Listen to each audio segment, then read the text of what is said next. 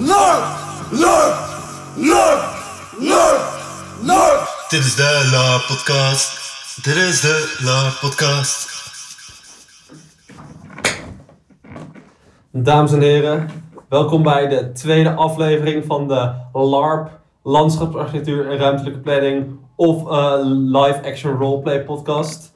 Vandaag gaan we een paar hele interessante thema's bespreken. We hebben na al deze afleveringen besloten om een andere setting te kiezen, een andere locatie, interessante thema's en een nieuwe tafelgast eh, met mij. Dick Scholtes, introduceer jezelf. Ja, dank je, dankjewel uh, jouw gast. Ja, zoals velen weten kom ik net eh, van drie jaar Tibet.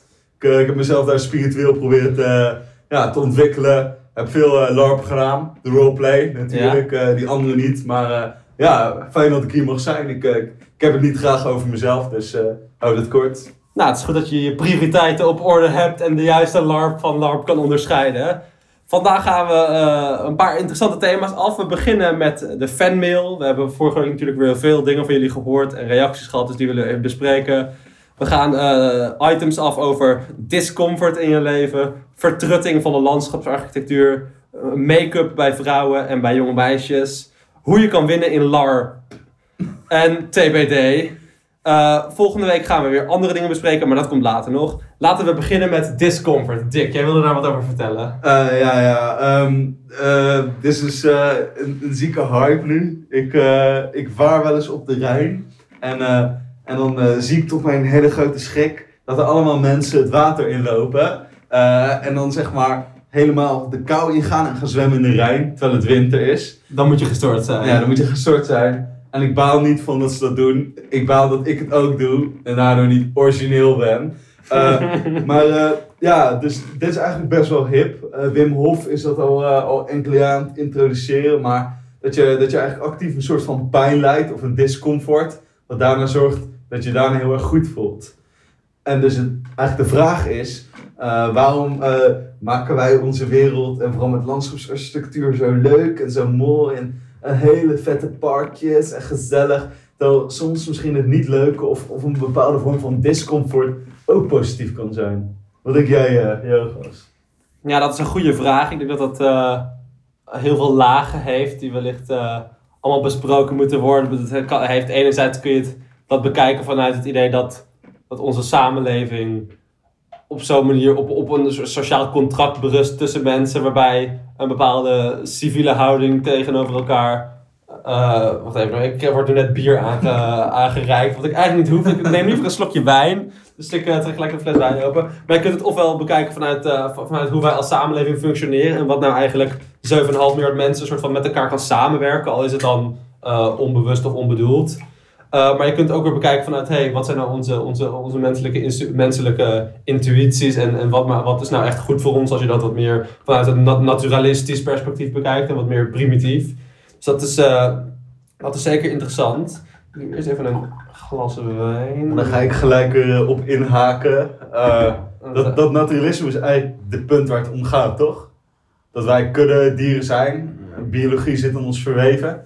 Dat bepaalde gedrag of onze inrichting, zoals we het nu doen, juist heel onnatuurlijk is. Misschien. Ja, ja ik, heb, eh, ik, heb- ik heb daar wel een keer wat, eh, wat over gelezen door mensen die slimmer zijn dan wij. En, eh, en, en Vrij veel. veel, veel mensen, dat doet er niet toe. Maar, maar die hadden het eigenlijk over dat, dat het een beetje de prijs is die wij betalen. Dat voor deze wereld die wij hebben, waarin wij kunnen studeren, waarin wij kunnen stemmen bijvoorbeeld. Weet je, de 7, 17 miljard mensen of 17 miljoen mensen leven in Nederland. En die kunnen allemaal, of de meeste kunnen daar, daarbij stemmen. Terwijl ik ga nooit die stemmen van die mensen horen. Ik heb geen idee wat mensen in Zeeland zeggen, in Maastricht, in, in, Friesland. Dat is allemaal onbekende dingen. Die betalen mee aan onbekende belastingen. Het is allemaal, eh, maar toch werkt het. Toch is het een systeem wat staan houdt. En eigenlijk om zo'n systeem met zoveel mensen die moeten samenwerken, staande te houden, heb je een bepaalde vorm van, eh, van beschaving nodig. En op het moment dat je die beschaving wegtrekt om terug te komen op, eh, op de natuur van mensen, dan krijg je eigenlijk een soort van anarchistische wereld. Wat heel lastig is om, om, om, om zo grootschalig soort van functionerend te houden. En dan is iedereen misschien wel super fris in de morgen omdat ze in de Rijn gezwommen hebben. Maar dan is er niemand die vervolgens nadenkt over hoe de Rijn eh, het land gaat over, laten overstromen. Over hoe democratie werkt, over hoe je verzekeringen werkt en al die dingen. Dus, dat is eigenlijk een beetje, dus die, die, afweging werd daar gemaakt tussen beschaving en, en, en menselijke intuïties. Dus het is eigenlijk een heel, een heel, eh, heel normale eh, uitkomst van de beschaving. Van, als we nou gewoon betrekken op landschapsarchitectuur, de paradijsstijn van vroeger in de middeleeuwen is ook een soort vorm van beschaving creëren. Ja, ja. In een, eh, in een vorm. Maar dus de vraag is of wij door beschaving onszelf goed voelen. Ja, of beschaving, nou ja. Ja, daar werd het geopperd als, als, als datgene wat, een, noodzakelijk kwaad, een beetje, of een necessity. Maar je zou, wat interessant is, is misschien, eh, of interessant is, want we kunnen natuurlijk nu niet de beschaving wegkruisen, maar we willen natuurlijk ook niet dat dat evolueert en dat dat zonder dat we, over- zonder dat we daarover nadenken, dat dat evolueert tot iets waar eigenlijk de, de, de, de, de, de, de hardwire van mensen niet in wordt meegenomen. Dus het is misschien wel interessant om te kijken of die twee wel samen kunnen gaan en waar dan de punten ligt. Want bijvoorbeeld in landschapsarchitectuur zijn er misschien plekken waar, waar je wel wat tegen die vertrutting en tegen die, of zoals dat genoemd kan worden, vertrutting, dat tegen kan gaan om wat meer en toch beschaving te houden, maar toch ook die menselijke intuïties te, te trigger- triggeren. Moeten we dat dan willen ehm, eh, met onze hardware meegaan? Kunnen we niet ook het, standpunt innemen van dat was oud, dat was stom. En we gaan nu een nieuwe evolutie in. Homo sapiens, new evo. Hmm. Ja, ik denk, dat, ik denk dat er wel types als Elon Musk zijn en, en, eh, en eh, die, die denken dat, dat we in de toekomst allemaal gewoon überhaupt onze hardwire gaan veranderen. En dat we niet alleen AI's schrijven die de wereld bepalen, maar dat we ook onze, on- hoe wij als mensen denken gewoon vanaf de geboorte al gaan veranderen. Zodat we beter wellicht in deze wereld passen. En zodat je die, die traits die goed zijn voor survival nu, dat die gekoesterd worden. En dat de dingen die... Maar dat is ja, ik denk... Enge gedachten. Ja, dat is sowieso heel eng eigenlijk. Want ja, dat klinkt als iets wat eigenlijk elke keer als mensen te groot worden en denken: hey, dit is iets, wij weten nu hoe het werkt en we gaan het nu doen. Eigenlijk elke keer gaan ze naar kaart op een bek. Dat is de, Die, jaren 50 mentaliteit. Ja, van, we gaan het echt allemaal uitzoeken. En nu begrijpen we het. eh, Ja. Hoogmoed. Hoogmoed komt voor de val. Hè. Dat is, eh, je komt uit Den Bosch, je kent het verhaal wel. Ja, ja.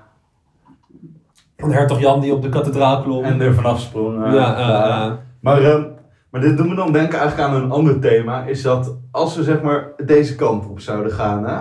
Ehm, eh, beschaving, maar ook weer niet helemaal. We kijken een beetje naar de hardwiring die eh, in ons zit. ehm, en dergelijke. Dat, dat, je, dat je gaat nadenken van, van wat wil je dan als, als mensheid. zo. Maar het gaat misschien een beetje te ver van het discomfort thema.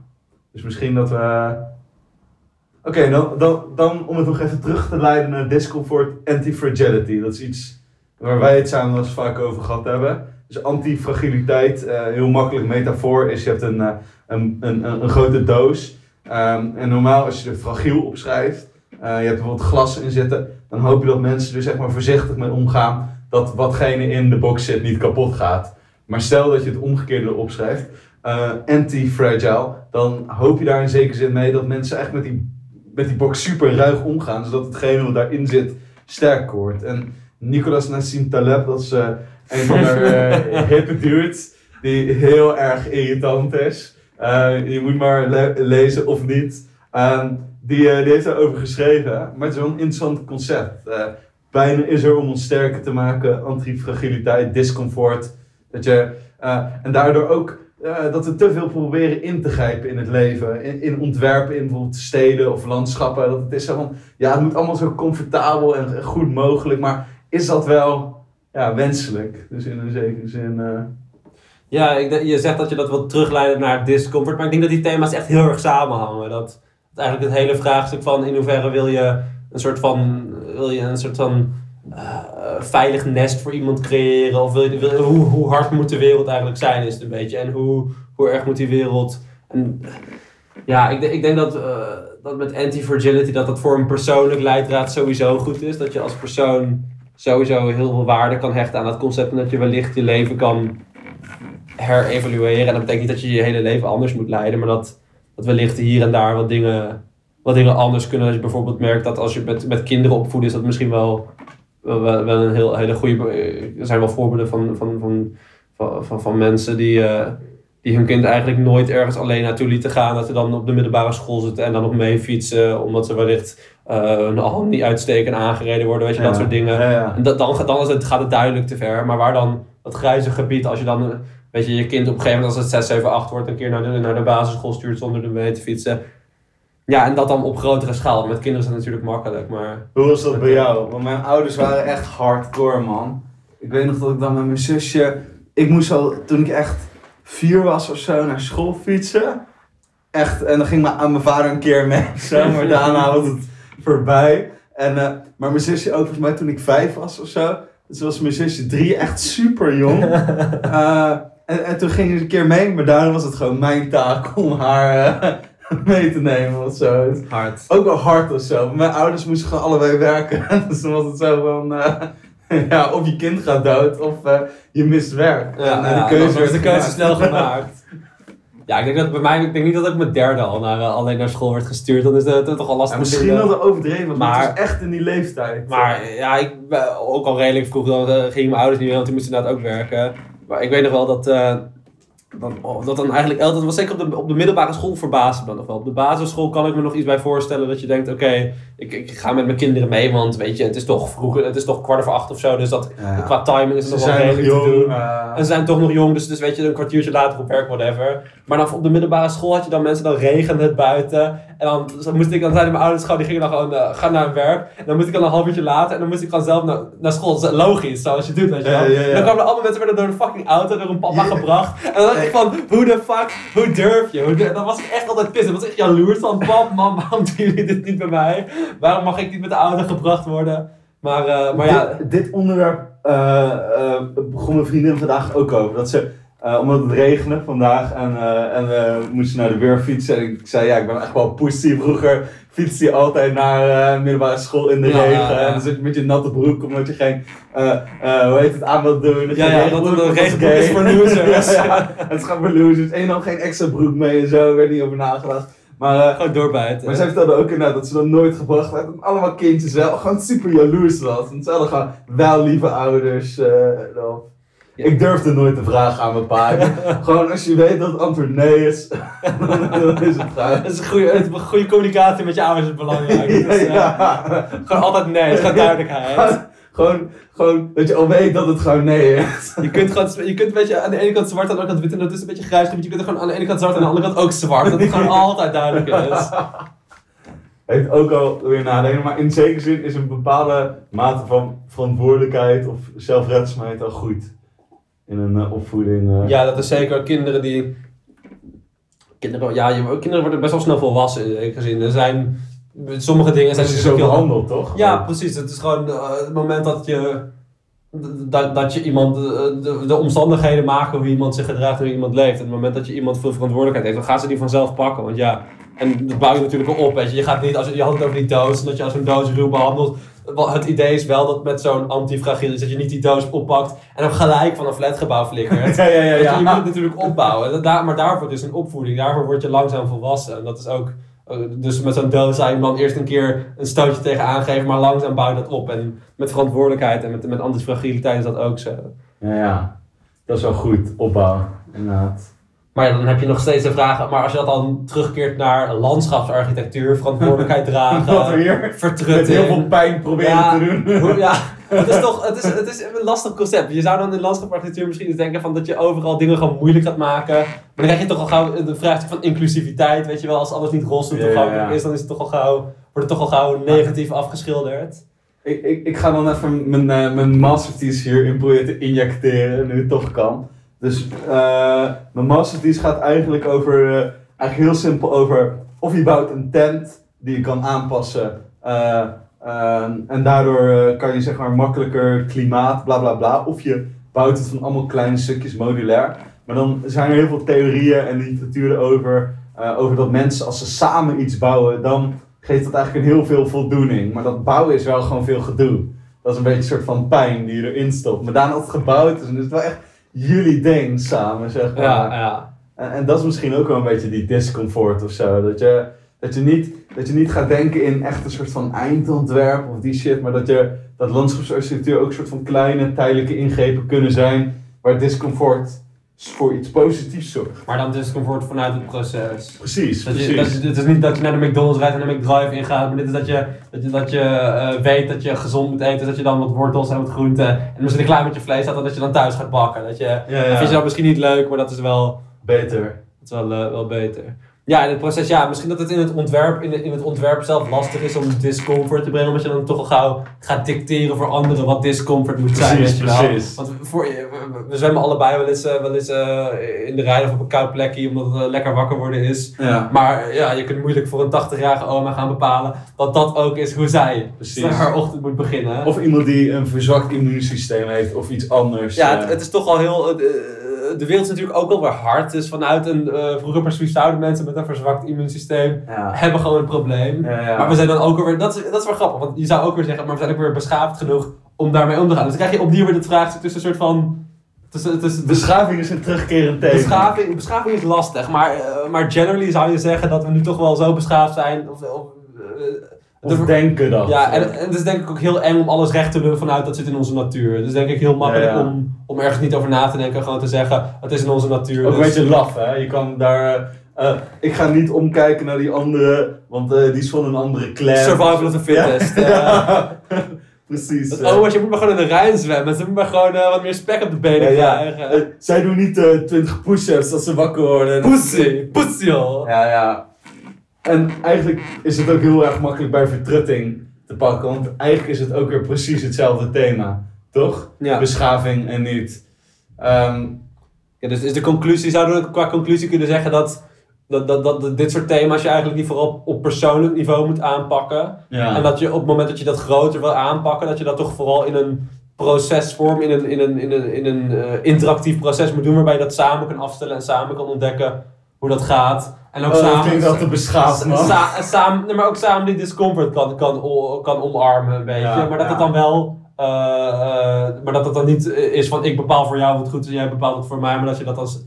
Ja, dat is misschien een beetje alleen. We komen misschien tot de conclusie dat we overal. eh, dat we hekken om de McDonald's gaan bouwen, zodat dikke mensen er niet meer bij kunnen komen. Of ik zo. vind het wel weer zo'n irritant polderconclusietje. Zo, dat wordt altijd alles. eh. Ja, dat is ook. Ja, je wilt. Kijk, ik vind Je wil gewoon coole shit Ik, zeggen. ik wil gewoon dat er gewoon een grote muur op de McDonald's wordt gebouwd. En dat je alleen maar als je er overheen kan klimmen, dat je het eten mag kopen. Want dan gaan dikke mensen kunnen er gewoon niet meer bij. Dat is leuk, maar dat is waarschijnlijk geef je heel veel gezeik. Want Maar dat is het probleem. De waarheid is een genuanceerd dingetje. Ja. Eh, en eh, gewoon, als je coole shit zegt, dan kom je ver. Dat- Maar, maar niet, niet eens alleen genuanceerd. Het is ook gewoon de waarheid bestaat niet. Het is Nee, gewoon nee. iets wat gewoon voor iedereen anders is. En eigenlijk is de waarheid iets wat ook maar gewoon een... Ook een woord. Ja, een- het is gewoon een woord wat je gebruikt om iets, iets, iets te verkopen. En, eh, en wij zijn allemaal aapjes op een, op een, op een bol die rond de zon heel hard gaat, die in het sterrenstelsel heel hard gaat, bla bla bla. Als je ooit nog een boek gaat schrijven, dan wordt het, we zijn allemaal aapjes. Hey, eh, over vertrutting gesproken, make-up. Over vertrutting gesproken, eh, heb je je klokje al op? Bijna, bijna. make-up, dat is een eh, onderwerp wat we van een van onze trouwe luisteraars te horen kregen dat we moesten aankaarten. Wat weten wij nou over make-up? En best veel, toch? Nou ja, ik zou zeggen bizar weinig. maar, maar laten we voor, eh, voor het opnemen van deze podcast doen alsof wij daar enorm veel van weten. Me ook wel even, eh, loopt die nog? Dat is wel een goede vraag. Dat is misschien niet zo eh, jovel. Omdat Ja, ja, ja, ik zie rood. Eh, gelukkig. Hij loopt nog. Nou, dan, dan gaan we door Nou ja. over make-up. Wat, wil- jij wat over make-up zeggen? Ook? Nee, ik dacht vertrutting en make-up, dat is een soort van cool overgang hadden we al bedacht, hè, van... eh, smooth, die smooth bridges. Ja, dat, is- leer je zeker met rappen, met freestyle. ja, ja, ja, dat, is, dat wordt een andere podcast. Ehm, maar ehm, ja, het, het is toch... Oké, laten, we, laten we eerst gewoon even een soort van indicatie. Wat heb je allemaal? Je hebt toch blush of zo, dat doe je toch op je wangen? Dan wordt het rood.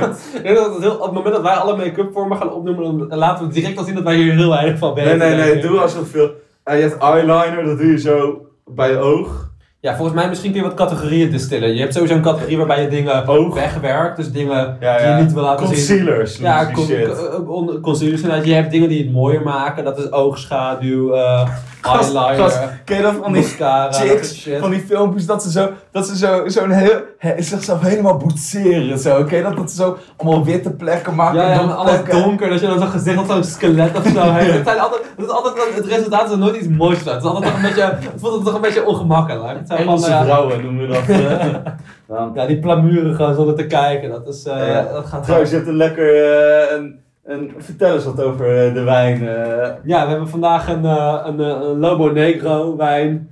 Dat is een Spaanse kwaliteit wijn. negro, toch? Of was het, hoe zeg je het op Sorry, wat zei je? Zijn je nou neger?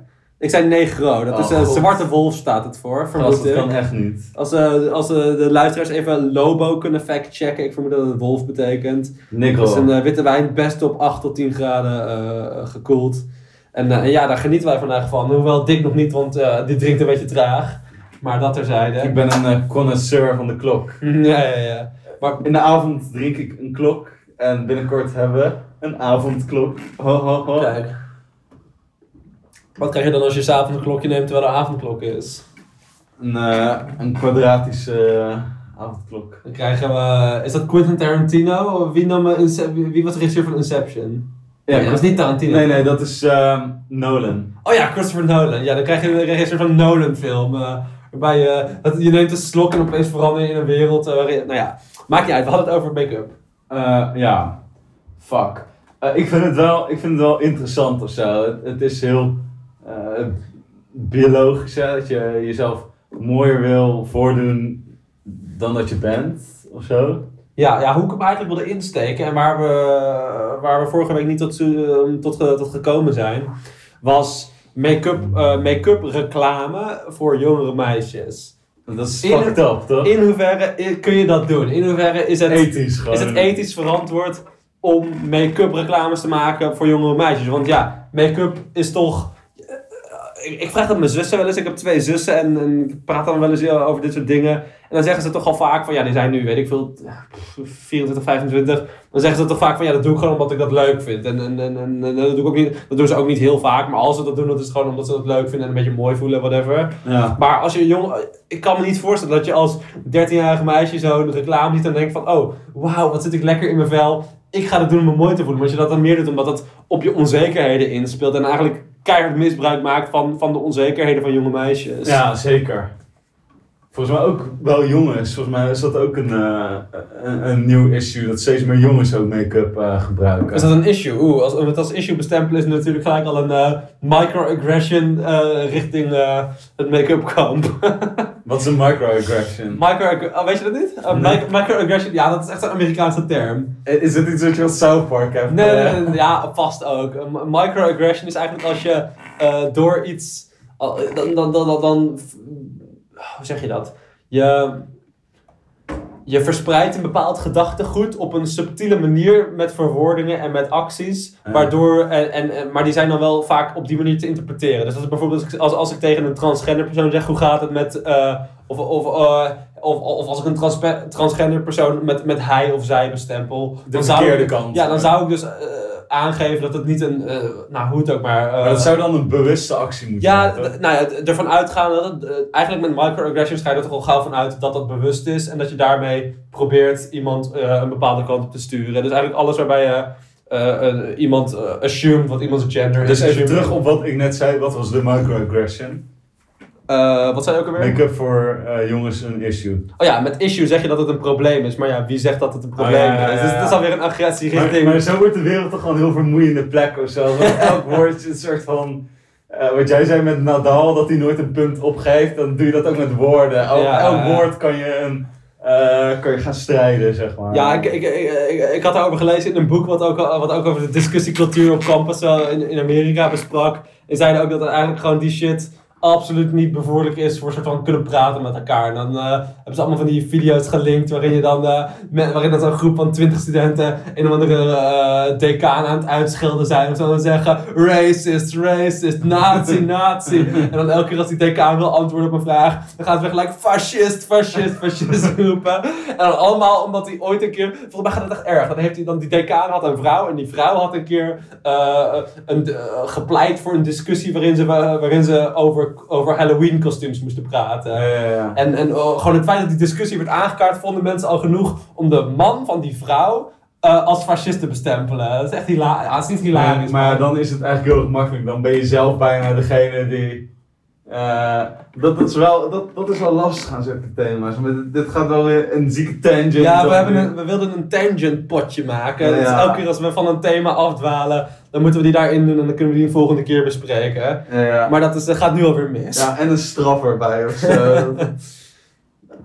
Oh, oh, nee, ja, ik denk dat we ja, over make-up... La- eh, Laten we dan maar naar de volgende gaan. ja, laten we even... Ik, Het, het hoofdpunt van eh, de avond.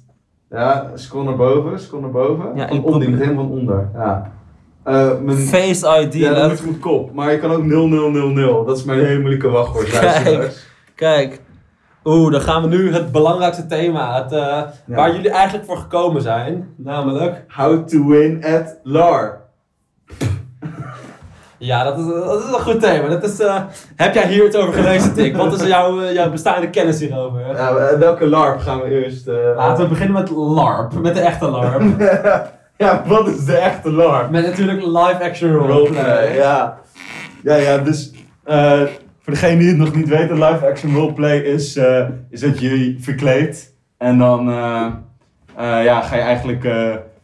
Het is eigenlijk best wel lame of zo, maar eh, mensen verkleden zich en dan gaan ze doen alsof ze eh, een soort van spel doen in het echt. En dit is goed dat je zegt dat het lame is, want het is gelijk een discussie. Want ik zou natuurlijk zeggen dat het absoluut niet lame Nee, is. super vet. Het is, eh, live-action roleplay is eigenlijk een, een ontsnapping. Het is een beetje een escapisme van deze wereld. waarin voor je- hen die het niet fijn vinden. Ja, waarin je. eh, maar eh, nou, misschien ook wel. Ik denk dat het vast niet zo eenzijdig is. Maar voor generally zou je zeggen dat mensen die toch een beetje deze wereld niet super positief bekijken. Die kunnen dan eh, een fantasiewereld ingaan. Dan heb je verschillende soorten fantasiewerelden. Sowieso heb je. Elke fantasiewereld heeft zijn eigen verhaal met zijn backstory. fiction, ja, met de eh, back- historisch, alles. is ja, je, je, hebt high, je hebt high fantasy waarin het soort van over. Dat gaat, dat gaat echt over het, eh, over het expliciet eh, fantasy. Dus het gaat over elfen, orks, over magie. Ja, een beetje over. OG fantasy. ja, ja, eh. misschien wel een beetje. Maar je hebt ook low fantasy waarin je eigenlijk een normale wereld hebt. Waarin dan hier en daar. eh, Bij een soort van eh, Harry Potter-achtige Ja, shit. nou Harry Potter is, is dan denk ik net... branche. fantasy, Ja, mini fantasy. Maar waar- waar- waarin toch de wereld een klein beetje af en toe hints vertoont van magie.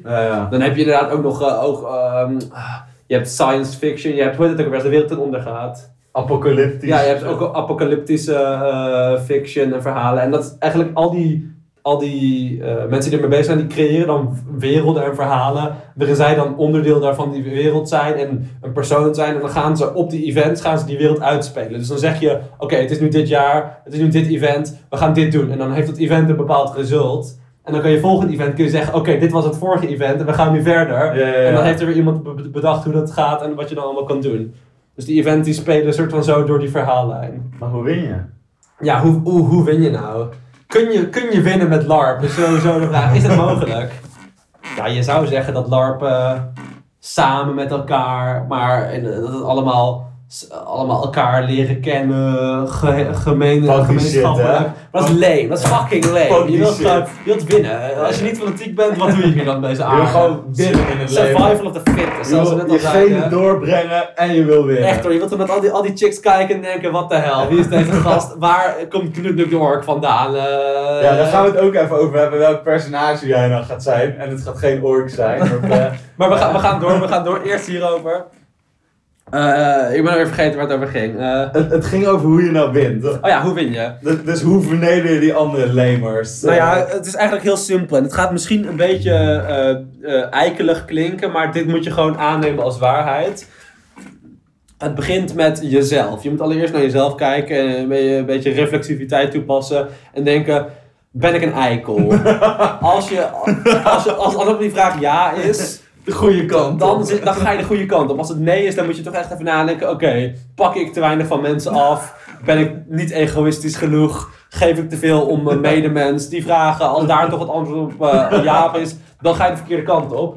Dus eh, zodra Niet je... over nadenken die kant. eh, Dus je wilt gewoon überhaupt niet aan anderen denken, denk aan jezelf. Vervolgens moet je je omringen met andere mensen. Je moet een team vormen en die mensen moeten ook eikels zijn. Dus je moet even kritisch kijken naar je vrienden en denken: hé, hey, met wie luister ik deze podcast? Ben jij het waard om in mijn team te zitten? Als dat eenmaal gelukt is, dan moet je eigenlijk vervolgens komt een heel politiek spel. Je hebt je team gevormd en dan moet je gaan manipuleren. Dan moet je gaan kijken hoe kan ik eh, eh, de mensen die het spel ontworpen hebben, hoe kan ik die manipuleren? Kan ik vrienden met ze worden? Kan ik ze omkopen? Kan ik zelf het verhaal maken? Al die dingen moet je eigenlijk gaan inspelen. Op die manier moet je een plek vinden waarin het verhaal voor jou superleuk wordt. Waarin jij als personage. Echt, de- eh, precies. Weet je, jij bent de persoon die alle coole dingen doet, die alle heroïsche daden eh, beleeft en uitvoert. En dan allemaal omdat jij gewoon heel geweldig bent. Terwijl alle andere personages, weet je, er komt bijvoorbeeld Dick, komt ook langs. Die is net begonnen met LARP. Ja, ja. Die is een, een, een, een lieve dwerg uit, eh, weet ik veel, eh, uit Moria. Moria, ja, maar goed. En- en- ik heb en- nog geen armor. Ja, precies. Hij is nieuw, hij heeft nog niks. En wat kun jij doen? Je kunt hem of iets geven, of je kunt hem gewoon op laten dieven, want je geeft hem niks. En jij wil die nieuwe quest halen. Jij, Keihard winnen. wil jij wil dat zwaard winnen. Ja, ja. Dus je moet, ja, het is eigenlijk een beetje, eh, je moet een beetje egoïstisch zijn, maar dat is wel de prijs die je betaalt om een leuk eh, event te hebben. Dus ja, kun je winnen het LARP? Zeker. maar wat heb je dan? Ja, wat heb je dan? Nou, dan heb je bijvoorbeeld eh, level 83 golden armor. Dan heb je een eh muddy sword met extra, extra poison effect. Eh, noem maar op. Je hebt, Super belangrijk. Je hebt, je hebt extra mana voor, voor tijdens de gevechten met mages. Eh, wat wil je? Je kunt alles, eh, alles verzinnen. Dus, en dat is het mooie. Jij bepaalt het spel. Dus jij verzint hoe goed je wel niet wordt. En dan als je daarna klaar bent, kan je weer terug naar je eigen leven in de kelder van je ouders. voorbereiden op het volgende event. Ja, dan kun je, kun je weer je, je blues aandoen en bij de, bij de Game Mania gaan werken of zo. Dus, als er iemand bij de Game Mania werkt, het spijt ons. Niet helemaal. ja, dat is wel waar. Maar we hebben natuurlijk ook nog het vraagstuk, hoe kun je winnen eh, bij LAR? En daar weet Dick wat meer over. En uh, Lup betrekken we er ook bij. eh. Laten we er LARP van maken. Hoe kun je winnen bij LARP? maar dan een andere LARP. Maar dan een andere LARP. De minder belangrijke LARP, eh, gaan we dat eh, wel zeggen. LARP B. LARP. Ja, dan, dan is de vraag, wat is winnen? Is dat, eh, is dat dat je zo'n eh, eh, bekend, eh, een, een soort van, ja, we mogen zijn naam niet gaan noemen. Eh, bekende landschapsarchitect. Eh, ik vind dat hij die niet genoemd mag worden, gaan we hem vanaf nu eh, noemen. Maar hopelijk binnenkort wel bij deze podcast komt. Ja, ja. Als hij die niet genoemd mag worden, dit luistert, natuurlijk. Ehm, ja, die heeft gewoon de fame, de glorie, net zoals de jeugd van tegenwoordig nu. die kunnen produceren wat ze willen. Die kunnen gewoon, gewoon twee minuten lang Mosquito Sound uitbrengen. Iedereen luistert iedereen vindt het geweldig. Iedereen koopt platen, iedereen koopt merch, whatever. Hetzelfde bij hij die niet genoemd mag worden. Ehm, dus dat is de eerste weg die je op kan gaan. Eh, de tweede weg Maar hoe word je dan zo iemand als hij die niet genoemd ja, mag ik, worden? ik denk dat dat echt politiek allemaal is. Hè? Ik denk dat ontwerpen, hoe, ook klinkt, no one gives a fuck uiteindelijk. Eh, dus mensen, al die gasten doen dus echt ziek debiele shit aanbrengen, maar het is gewoon politiek gewoon heel goed verweven erin. eh, inderdaad. Dat je gewoon, dat, je skills moeten natuurlijk wel een beetje goed zijn. Ze kunnen niet dat jij daar een blok, ja jawel, je kan gewoon een blok beton neerzetten en er echt gewoon een goed verhaal bij. En, eh, en goed bevriend zijn met wat mensen in de gemeenteraad. En dan komt het wel goed. eh. ik denk dat dat het vooral is. Game of Thrones kijken, Machiavelli lezen. Die shit moet je doen. Niet ontwerpen, dat is echt voor losers, eh, inderdaad. Ja, en dan niet alleen Machiavelli en lezen en Game of Thrones kijken, maar ook echt Toepassen. toepassen, het leven. Word, word als, eh, als Peter Baelish, word als Machiavelli. Ga, ga de, de, de, Ja. de stadsraden van Genova, ga die beïnvloeden. Holy shit. En, Dus, eh, eh, en, en eh, wees van elk gerucht op de hoogte. Misinformatie verspreiden. eh, alles om jouw projecten maar uitvoeren. En dan, en dan moet je ook niet uitmaken hoe je projecten zijn. Dan, dan moet je gewoon door iemand laten doen, eh, natuurlijk. eh. Eh, een eh, professor van de weer. We moeten hier echt op gaan letten met wat we zeggen. Ehm, die we niet gaan noemen. professor. Die we, die we niet gaan noemen, die zei al inderdaad van ja, ik teken zelf niets meer, dat laat ik doen. Ik vind het ook wel heel mooi. Ik ben, ben dan nu ook zo, dan ben ik zo aan het werk en denk van ja, iedereen kan dit, wat ik doe. Maar het is gewoon mooi dat die ander dat doet en dat jij ermee mee. Ja, je moet pronken met de prijs eigenlijk. Hè? Ja, en als je, een, ja, en als je eenmaal op zo'n positie bent waarin mensen naar je kijken, dan moet je daar gewoon misbruik van maken. Glashard misbruik van Ja, maken. ze blijven kijken, alle dikzakken willen op me lijken. Echt hoor, een dwarf level 83, daar wil elke dikstuk wel op lijken. Dat zieke golden power. Hè? Nu we het daar toch over gaan hebben. Maar voor- het lijkt trouwens wel, eh, voordat je doorgaat, het lijkt trouwens wel verdacht veel alsof LARP en LARP heel veel raakvlakken hebben. ja, ik, En dat op ben- in beide gevallen winnen en winnen. Oh, eh, ik schrik er wel van. zijn. Ja, ja, ja. Zo zien we maar weer dat dit soort eh, woordgrappen veel meer eh, waarheid aansnijden en aankaarten dan je eigenlijk dacht. Maar ga door, je wilde wat zeggen. Ehm, eh, vorige keer had je Groetnoek de Ork. Eh, maar dat was maar een idee. En, eh, Een idee, een idee van 16 jaar oud. Ja, ja, ja. Waar je al eh, een beetje Gnoeknoek... eh Knoetnoek. Het klinkt als zo'n Inuit naam of zo. Gloeploep.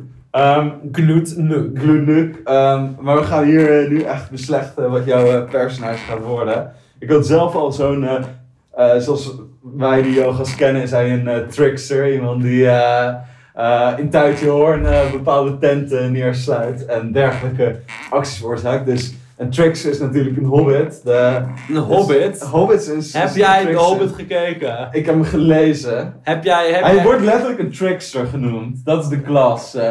Dus als we, als we het nu over... heb jij de introductie, of heb jij de eerste scène van de eerste film, van het eerste boek van Lord of the Rings gekeken? For all hobbits have a passion for things that grow. Hobbits zijn super wholesome. Hol- Hobbits die hebben helemaal geen, zijn helemaal geen trickster. Hobbits zijn juist, Gast. hobbits zijn juist het ras wat niet eh, verlangt naar hogere dingen en naar machten. En daardoor Ja, oké, juist zo goed om kunnen maar- gaan met Oké. Dan worden ze in Lord of Rings worden ze als trickster benoemd door. Tolkien. Hobbits zijn geen tricksters. Zijn het, heb je het over kobold of hobbits? Hobbits. Hobbits zijn geen tricksters. Nou, we gaan... We dit, gaan de Silmarillion... dit wordt een eh, Ja. rectificatie waarin wij allebei te veel tijd gaan besteden om iets eh, niet zinnigs Als jullie hier meer over weten, eh, Ja, overduidelijk zijn natuurlijk hobbits, zijn, eh, zij zijn eigenlijk heel vredelievend en eh in Oké, connection maar wat zou je zelf dan noemen? Ik zou mezelf natuurlijk eh, eh, meer, ja, met wie zou ik mezelf koppelen? Met Elrond. Nee. Gewoon zo. Absoluut niet. Elfen zijn ook een bepaalde wholesomeness. En dat ben jij echt absoluut niet. eh, Eh, niet wie wel hard is van Lord of the Rings, of sorry, van de Hobbit, is Thranduil. Thranduil. Thranduil, dat is eh, de, de pa van Legolas. Ja, ja, in die bossen met zijn zieke... Ja, en die zitten in die bossen en dit is eigenlijk, voor mij zijn de Wood Elves zijn dat. En, eh, en die, eh, de pa van Legolas is eigenlijk echt een beetje een asa. Die gast, zit, eh, Legolas heeft er nog een beetje moraal, die heeft nog een beetje dat de wereld wel goed is, dat hij er lekker aan kan meehelpen. Maar die pa die is gewoon een vieze, vieze smeerlap die echt neerkijkt op elk ander, eh, elk ander gedierte behalve elfen. En, en ik weet niet, ik vind het wel een, een, een hard personage eigenlijk. Die is toch wel... Anders zijn elfen ook maar altijd zo prachtig en Maar- mooi maar en lief. je bent dus we hadden het al eerder over gezegd, dan ben je een combinatie van een, met een elf kobold. Dus dat is de, eh, je hebt misschien wat elfentrekjes, maar er zit ook een zeer grote kobold. eh, Ja, ja, alles voor die cash. Alles voor die cash. Maar eh, we moeten natuurlijk ook bespreken eh, wat jij nou ik, ik heb al een idee. Ik heb al een idee. Ja, het is natuurlijk makkelijk om je eigen idee op jezelf te Ja, projecteren. nee, Dat maar, maar laat, me, allemaal. laat me beginnen. Jij mag Laat beginnen en dan zal ik het afkraken, Oké. wat je ook zegt. Oké, oké. dus, eh, want natuurlijk wordt hier over mijn lengte natuurlijk eh dwarf gezegd dat ik een hele mooie vind. Zij hebben het natuurlijk niet over de lengte van zijn lichaam. Nee, het over een andere. Maar ehm eh, dwarf natuurlijk sterk. eh, eh, maar ik, ik denk dat ik eh, in een zekere zin ben ik een wizard. Want ik, eh, ja, ja, nu komt het. Ik, ik trick, eh, ik eh, doe allemaal toverstrucjes en dan kom ik weer met een projectje weg eh, eh, zonder effort. Eh, low mana cost wizard. Zie ik mezelf wel. Mm, een low mana wizard. Een luie, een luie, een Ja, luie ja, ja. tovenaar. Ik, eh, ik hoef niet 10 mana in te zetten, ik zet er één in om, hem, eh, om het Mm. af te krijgen. Ja, dwergen zijn misschien iets te ijverig voor jou. Zijn misschien iets te...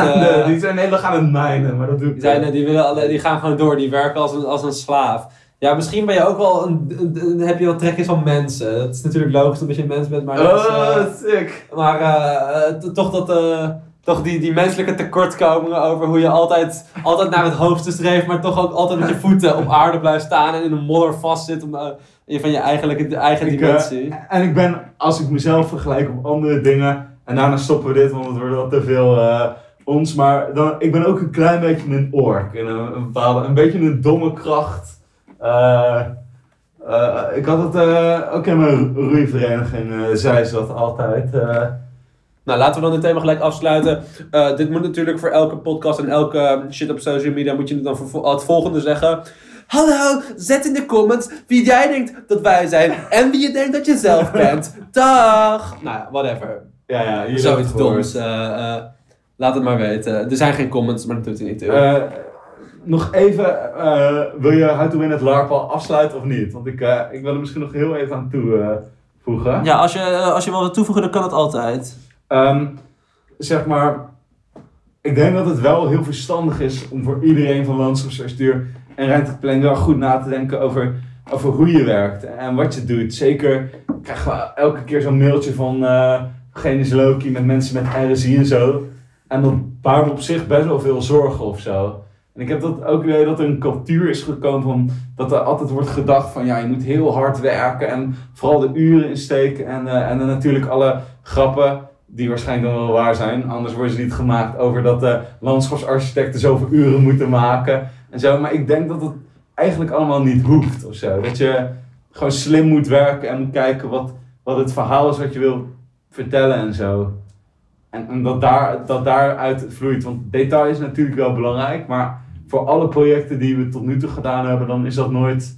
Ja, Ja, dat je, ik hoorde wel eens eh, een landschaparchitect, ga geen namen noemen, die, eh, die het had over een, eh, een, een, een, een plaatje wat ze getekend of gemaakt hadden of whatever. Dat er een Photoshop nog even aan het editen waren. En dat er toen vervolgens één dingetje niet klopte, omdat er één persoon of zo ergens stond die daar niet hoorde te zijn. Dat die persoon vervolgens de hele dag bezig was met die persoon er opnieuw uithalen en het plaatje dan weer nieuw, opnieuw goed maken. holy shit. Omdat het, al- en dan ben je gewoon zes uur mee bezig, zo die gast. Ik bedoel, deze persoon, dat was geen, niet Ja. per se een man. Maar dat is, eh, ja, dat is toch wel... Zou kunnen, zou ook niet kunnen. Neither uh, Maar- confirm nor deny. maar inderdaad, en als ik het dan, dan toch op mezelf mag trekken, is. Ik doe dat echt nooit. Het is bij mij een heel lage mate van eh, af moeten hebben. En, en zeker nu met het, met het digitale wordt dat steeds makkelijker. Ik ben nu ook dus heel erg bezig met dat parametrisch programmeren en zo. Dan kan je bijvoorbeeld ook mensen gewoon willekeurig in je project laten neerzetten. Maar dat werkt eigenlijk best wel goed. Dat je, niet, Ja. je hoeft niet allemaal kleine acties. En ik denk dat we allemaal onszelf moeten beschermen voor te veel acties met je polsen, met je handen. Dus dat je echt nadenkt, hoe kan ik eigenlijk met zo min mogelijk moeite mijn verhaal vertellen? Want uiteindelijk zijn we allemaal maar verhalen vertellers. We zijn, geen... Tangent, tangent. eh, oh shit, oh shit, het gaat in het potje. wee, wee, wee. Ja, we moeten zo'n tangent alarm, zo'n leuk alarm. planet, planet tangent. Eh, maar dat was het. En, en als, als je als landschapsarchitect of planner hier ook een mening over hebt, please eh zend het door. We vinden het eh, interessant. Ja, ik wil dan nog wel jouw verhaal een klein beetje nuanceren. Dat hoewel voor jou misschien het werkt om heel slim met programmaatjes te worden, dat het voor een ander niet zozeer of niet per se effectief te zijn. Ja, dat is wel maar dat waar. misschien het belangrijkste, of als je dat iets meer abstraheert, dat vooral weten en weten waarom je iets doet. Dat je weet waarom je eh, elke ochtend. Want stel je gaat elke ochtend om 9 uur naar de Unie en blijft tot 6 uur werken. Prima, maar weet, doe het dan bewust en doe het niet omdat je denkt dat het van een ander moet. Omdat Gabrielle dat jou vertelt. Maar weet dan dat dat voor jou werkt. En als het niet voor je werkt. Ja, je dan iets anders verkeerd. probeert. Hè? Het is ook heel fijn om, om ergens gestructureerd en diep... Ja, maar, maar dat moet wel. Er moet, een keuze zijn. Je moet echt mee bezig zijn. En als je niet, niet, actief bezig bent met hoe je werkt, dan kun je toch En, gauw. en soms kan je het ook niet. uh, soms moet de crunch er even zijn, moet je even hard werken om iets af te maken. Maar ik, ik, ik heb wel het idee dat ook als je veel mensen praten, zelfs bij zo'n studio, hoeveel stress daarachter zat, dat ik dan denk van ja, dat is geen keuze meer hè, op dat moment. Dat is, eh, dat is gewoon, zijn eh, de urenslaven. Dat is Killer Kamat, hebben we eens over gehad. Maar ja, ik denk wel dat het, eh, dat, dat het wel goed is om daar inderdaad over na te denken. Maar ja, whatever, we zijn eh, er klaar mee. ja, ja, ja. Oh shit, oh shit. Ik heb TBD. Dat zijn determined. ja, zijn er nog dingen? Of, of zijn we nu, omdat we een agenda hebben gemaakt, zitten we eraan vast? Dat we denken van ja. Dat we geen tangents meer kunnen, kunnen aflopen en af kunnen gaan. Hmm, nou ja, sowieso is de tangent 1. eh, waarom is dit klokje nog niet leeg? Waarom is dit wijnglas nog niet leeg? Waarom is het tweede wijnglas ook nog niet leeg? Want mijn tweede glas is al wel. ja. Nou, dat komt omdat ik wel gestreden heb en wel alle hamburgertjes heb opgegeten. Is dit waar of niet, de heer van Keulen? Oh, oh oké. We gaan hier nu niet in details treden over eh, ons avondmaal. Maar eh, Het was overvloedig. dat is genoeg. Heere God, Vader in de hemel. Dank u. we bedanken u voor... eh, Maar voor, eh, ik, ik wil het dan het andere weten. How to win at Lub. How to win at LUB. How to win at LUB. Hmm, dat is denk ik wel een lastige vraag. Ik denk dat, eh, dat met LUB, ja, al- als ik, ja, dat is lastig. Ik denk dat ik, als ik nu kijk naar, naar eigenlijk alle projecten, alle groepen die ik zelf, waar ik zelf in heb gezeten en waar anderen in hebben gezeten, dat er nooit, nooit echt duidelijk een winnaar was eigenlijk. Misschien dat wel jammer, maar je had nooit echt aan het einde van, van een studio dat je dacht van, oké, dit groepje heeft het echt slim aangepakt. En dit groepje heeft het. Je had eigenlijk altijd... Had je nooit een groepje dat je dacht van, oh fuck, die hebben... Want ik heb dat best vaak gezien. Dat, dat- ook Ja, als ik met groepswerk ik dacht, oh fuck, dat andere groepje heeft het Ja, veel beter gedaan. maar met Lub Studios, voor mijn gevoel, was het eigenlijk altijd aan het eind van de rit hetzelfde. Je had aan het eind van de rit eigenlijk altijd... Dat, Eenheidsworst. eigenlijk, dan had iedereen een 6,5 slash 7. En dat was zo fucking irritant. Gewoon- Heb je kapot Ja, gewerkt? en dan, weet je, dan had je echt heel erg je best ergens voor gedaan. En dan had je een 7. Terwijl iemand anders heeft er echt niks gedaan dan 6,5. Dan denk je, waar, is het naartoe gegaan? En natuurlijk is zo'n cijfer niet iets waar je op af moet gaan. Natuurlijk naar- eerder naar... Maar groepswerk is ook moeilijk te beoordelen. En daardoor durven ze denk ik ook niet om daar echt Maar, maar ook discrepantie... al- al- als groepje eh, is het ook gewoon, ik denk dat het gewoon door, eh, ja, die beoordeling eh, laten we even terzijde. Misschien wordt die beoordeling een tangent waar we het volgende, dat, ja, ja, die beoordeling heb ik nog wel een hoop dingen over te zeggen. Daar gaan Ik we, ook. gaan we, doen we het een andere keer over. Wellicht Maar- zo maar- meteen. Maar, Maar eerst over Lub nu. Ik denk eigenlijk dat al- als ik nu terugkijk en als ik denk van, hey fuck, wat had ik nou anders moeten doen? Ik denk dat ballen tonen eh, belangrijk is. Ik denk dat gewoon ideeën hebben en daar gewoon radicaal mee omgaan. en dat de het durven om dat in het te goed is, zetten. ja. En gewoon durven om, eh, om een concept gewoon keihard mee te gaan. Want waar doe je het voor? Je doet het ofwel voor een fictieve plek, dus het boeit toch niet. En Aan een ja, of zo. dan, dan, dan, eh, of voor, voor een fictieve opdrachtgever. En dan, eh, dan maakt het eigenlijk niet zozeer uit wat je idee is, maar vooral hoe je het uitwerkt. Weet je, dat is ook met je, met je bachelor thesis eigenlijk ook zo. Niemand boeit een reet wat jij met je bachelor thesis onderzoekt. Ze Nee. willen gewoon dat jij laat zien dat je die stappen kan doorlopen. En met heel veel studies is het ook een beetje zo. Dus als je dan toch dat moet doen, kun je net zo goed fucking coole ideeën gaan uitwerken. Maar iedereen is altijd heel erg... Ik zelf ook nog, dan zit je altijd heel erg vast in van, oh, het moet... eh, de- daar leer je eigenlijk niet veel ja, van. weet je, dan, dan, dan kom je niet in die frictiegebieden. Dan kom je niet op de plekken waar het wellicht wel en niet een impact gaat hebben. En op het moment dat je impact hebt, dan ga je, krijg je leu- leuke discussies. Dus ik denk dat als ik zelf mezelf een tip zou mogen geven, vijf jaar geleden of anderen, dan is het gewoon echt om ballen te tonen en gewoon eh, natuurlijk wel na te denken, maar wel doe dat gewoon lekker radicaal. Ga gewoon, eh, als je een goed idee hebt, werk het gewoon volledig uit. De, de nuance is wel dat we in Nederland een, een polderklimaat hebben qua, qua discussie. En, en dat het ook heel moeilijk is om iets van de grond te krijgen. Maar als je nooit oefent om ballen te tonen, dan ga je het ook verder nooit van de grond krijgen. Dan wordt elke opdracht, en dan kan je inderdaad wel zeggen, dat is wel safe. En in zekere zin ben ik het ermee eens. Dat is wel goed. En vaak is het ook gemeenschapsgeld. Maar als je nooit radicale oplossingen durft te proberen, of zelfs over te hypothetiseren, dan komen er ook nooit echt betere dingen uit. Echt radicale dingen die veranderen en zo. Ja, dan krijg je, dan krijg je een beetje een self-fulfilling prophecy. Waarin je en zegt van ja, dat, dat kan ook niet en dat doen we nooit. En dat het daarom nooit gebeurt. En dat je daarom denkt dat het nooit kan. Plus, ik denk ook dat, dat, dat het een gevalletje is van aim for the stars and you might reach the moon. Dus op het moment dat je heel ver mikt, dat het dan pas als je heel ver mikt, ga je een klein beetje effect Ja. zien. En je moet niet denken dat als jij een cool plan hebt, dat het 100% wordt uitgewerkt. Maar als het ook maar een paar procent wordt uitgewerkt, dan is het best wel veel.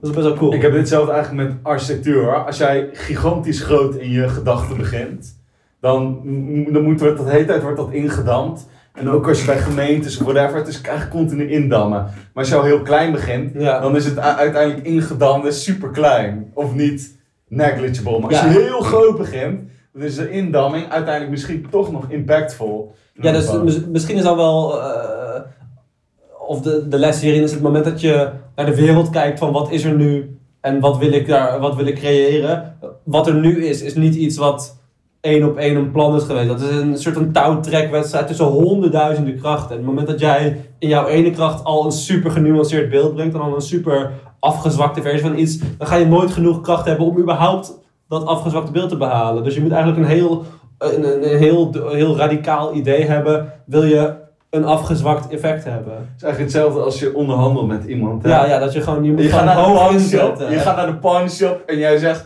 voor de gouden ketting van je oma die net overleden, overleden is, rip. En je zegt, eh, ja, ik wil er eh, 30 euro voor. Dan zegt die gast van de pawnshop, 3,50, eh take it or leave it. Als jij daar eh, binnenkomt met een groot verhaal, deze ketting van mijn oma en En ze over heeft Montezuma gedragen. Ja, dus, deze Spaanse conquistadores. Eh, en je zegt 40k en hij zegt, nou, 1000. Nou, Ja. de, de winst is wel. zo, zo, zo makkelijk is het. En dat, ja, dat is wel, eh, ik denk dat dat wel, eh, wel belangrijk voor je is. Dus kijk, laat, eh, we- wees, wees extreem en laat je vooral niet leiden door wat, je nu, wat er nu al is, maar door wat je hoopt dat er is. Maar dat is echt moeilijk, hè? Want Tuurlijk is het moeilijk. gast, het, het moeilijkste is om iets te doen eh, buiten groep. Ik hoorde ook wel eens van mensen dat zeggen van, ah ja, jij doet dan radicale dingen, zeg maar. Dan denk ik van, ja, maar dat geeft geen fijn gevoel als de rest, zeg maar, iets heel anders doet. Eh, dat is nooit. Bovendien zijn volgens mij bijna, heel, bijna altijd de radicale dingen lijkt dan van een afstandje radicaal. Maar als je dan diegene vraagt, oké, hoe ben je daarop gekomen? Dan is dat gewoon super direct. En dan is gewoon, ja, ik heb gewoon in het boek gelezen of zo. Ja, ja. Ik zag gewoon iemand anders dat doen en toen heb ik het Precies. gekopieerd. Het is nooit, het is echt niet, eh, je, je- hoeft echt niet zelf die genie te zijn, maar je moet wel... Still like an artist, ja, hè? het Die is echt goud. beter goed gejat dan slecht zelf bedacht. Ja, Eh, ja dat, dat vond ik ook zo. Dat, daar, dat in, in zo'n groepscultuur of zo, dat, dan, dan krijg je zo de, het krabbenbak-idee. Hè? Dat, dat, dat zo'n bak met krabben elkaar allemaal terugtrekken. En, oh, dat is ook het verhaal van, eh, van, de, du- van de, de pits in de, du- in de, in de, in de, Ja, ja, van die Ja, van de pits. duivelpitten, dat er dan de, dat de Franse, daar heb je nee, dan leg het maar helemaal uit. Ja, ik, weet het niet precies, dus ik denk dat jij moet uitleggen. Oké, ik ga hem een. eh, dit is een metafoor slash grap, maar eh, ik ga hem proberen. Eh, op, eh, een, man gaat dood en, en dan komt hij in de hel Oh, ja, ja, ja. terecht. En daar begroet de duivel hem heel erg blij. Yo bro! Yo brother, welkom in de- de hel. Hij schrikt zo van, oh fuck the hell. Hij zei, maak geen zorgen man, je krijgt een rondleiding van mij. Nou, hij denkt prima, rondleiding van de duivel, lekker mee. Dus ze zijn even lekker aan het wandelen door de hel. Overal lekker eh, van die duivels die mensen prikken. Je weet van die Jeroen Bos taferelen. En op een gegeven moment komen ze bij een, eh, een hete pot aan. Een hele gigantische ijzeren ketel. En, eh, en daarin ziet hij allemaal van die duiveltjes met hun pitchforks. Allemaal mensen terug die pot in te duwen. Omdat ze daar allemaal keihard verbranden in elkaar. En dan Ze vragen, proberen er ook allemaal uit te klimmen, ze willen allemaal uit die pit. ja, ja, dan vragen ze haar van wie, zit, eh, wie zit daarin? En dan zegt de duivel zo, oh dat zijn de Britten. Ja, dat zijn de Britten. En die man denkt, oké, eh, ja prima, kut voor ze. Zo, eh. Lopen, ze, lopen ze even een stukje verder. En is nog een veel grotere pan daar. Veel grotere pan, allemaal weer, weer duivels die zo, zo die gasten erin. Ik zeg, oh wie zitten er daar? En die moeten echt motherfuckers zijn. En zegt de duivel, oh nee nee, dat zijn de Fransen. Dat zijn de Fransen die erin zitten. Daarna een nog veel, veel grotere pot. Echt zo. Weer allemaal duivels die zeg maar mensen, allemaal mensen die pot proberen uit te komen. Want het brandt en ze zitten aan elkaar. En ja, het doet fucking veel pijn. En dan, en dan vraagt hij daar zo van, ja, wie zit daar dan in? Wie zit er daar dan in? Zegt de duivel, oh, dat zijn de Amerikanen. En hij zegt, oh, oh, wat erg. Dus duivel, ja, whatever man, eh, laat het doorlopen. En op een gegeven moment lopen ze nog verder en, en het is gewoon overblindend. Er is een gigantische pot. Dus een gigantische pot. En dan, eh, en dan, en dan denkt hij van, huh? Maar er staan geen duivels op met pitchfork om, om mensen terug te dringen. Helemaal niks, staat gewoon helemaal niks. Zegt de duivel, oh dat is eh, de pot van de Russen. Die trekken zichzelf wel terug. zo, zo voelt dat wel een beetje inderdaad. Zijn wij niet allemaal Russen die, eh, die te weinig ambitie hebben? Ja, dat je zo, dat je van, oh, hij, levelen. hij heeft een goed idee. Wat een sukkel. Ik haat hem, want eh, ik had het idee niet, inderdaad. Oh ja, dat doet me denken aan een, voorbeeld, voorbeeld van mijn geschiedenisdocent. kwam op, op de middelbare school over. Dat hij ook, eh, in Nederland ook als je een, als je een goed cijfer, als je een 10 haalt, als je slimst op de klas bent, dan, ga, dan, ga, dan zeg je er niks over. En dan haal je 10 en dan ga je in een hoekje zitten en haal je bek dicht. ja. Want de rest van de klas, want je zou maar een nerd genoemd worden. Terwijl in Amerika haal je een 10, dan ga je daar gewoon dansen. En dan ga je gewoon zo staan van, motherfucker, arm, terwijl iedereen gaat klappen en gaat joelen. Dus het is gewoon, you fucking made it. Ja, ja. Het is, ook, ja, het is ook wel sad dat we niet. eh, en dan, nou ja, nu zijn cijfers opnieuw. Nou, daar hebben we het nog wel een keer over. De cijfers misschien niet. eh, Ja, laten we gewoon de koe bij de horens pakken. Cijfers. ja, ik vind het wel een mooi thema voor volgende keer of zo. Het lijkt me toch leuk om, om, om een bepaalde bridge te hebben. Als, alsof, er, aflevering. alsof we, misschien zijn we dood de volgende keer. Dan maakt het toch niet uit wat we nu überhaupt uitbrengen, toch? We kunnen, kunnen een korte teaser en als we het dan leuk vinden, kunnen we het altijd nog gaan uit. eh. Eh, nou ja, je zou eh, cijfers, ik, denk- wat, wat, wat ik interessant en, en jammerlijk aan cijfers vind, is hoe ze, hoe ze eigenlijk, eh, of de manier van beoordelen niet per se het daadwerkelijk eh, beoogde effect heeft. Waarbij je als je mensen gewoon een cijfertje geeft, ja, wat zegt dat dan? En in hoeverre koester je dan, of zorg je er ervoor dat ze daar beter van worden? In hoeverre betekent een cijfer echt wat? En dat is nog maar een momentopname. En in hoeverre is leren naar een toets toe waar je een cijfer voor krijgt echt de manier om te leren? Of is, zijn er niet veel betere manieren om te leren dan eh, een toets met een cijfer? En dit gaan we volgende keer bespreken. Dat allemaal volgende week. Naast dit thema volgende week zijn er nog veel meer andere thema's die we gaan bespreken. Die pak ik er even bij. Ja. I know, I know.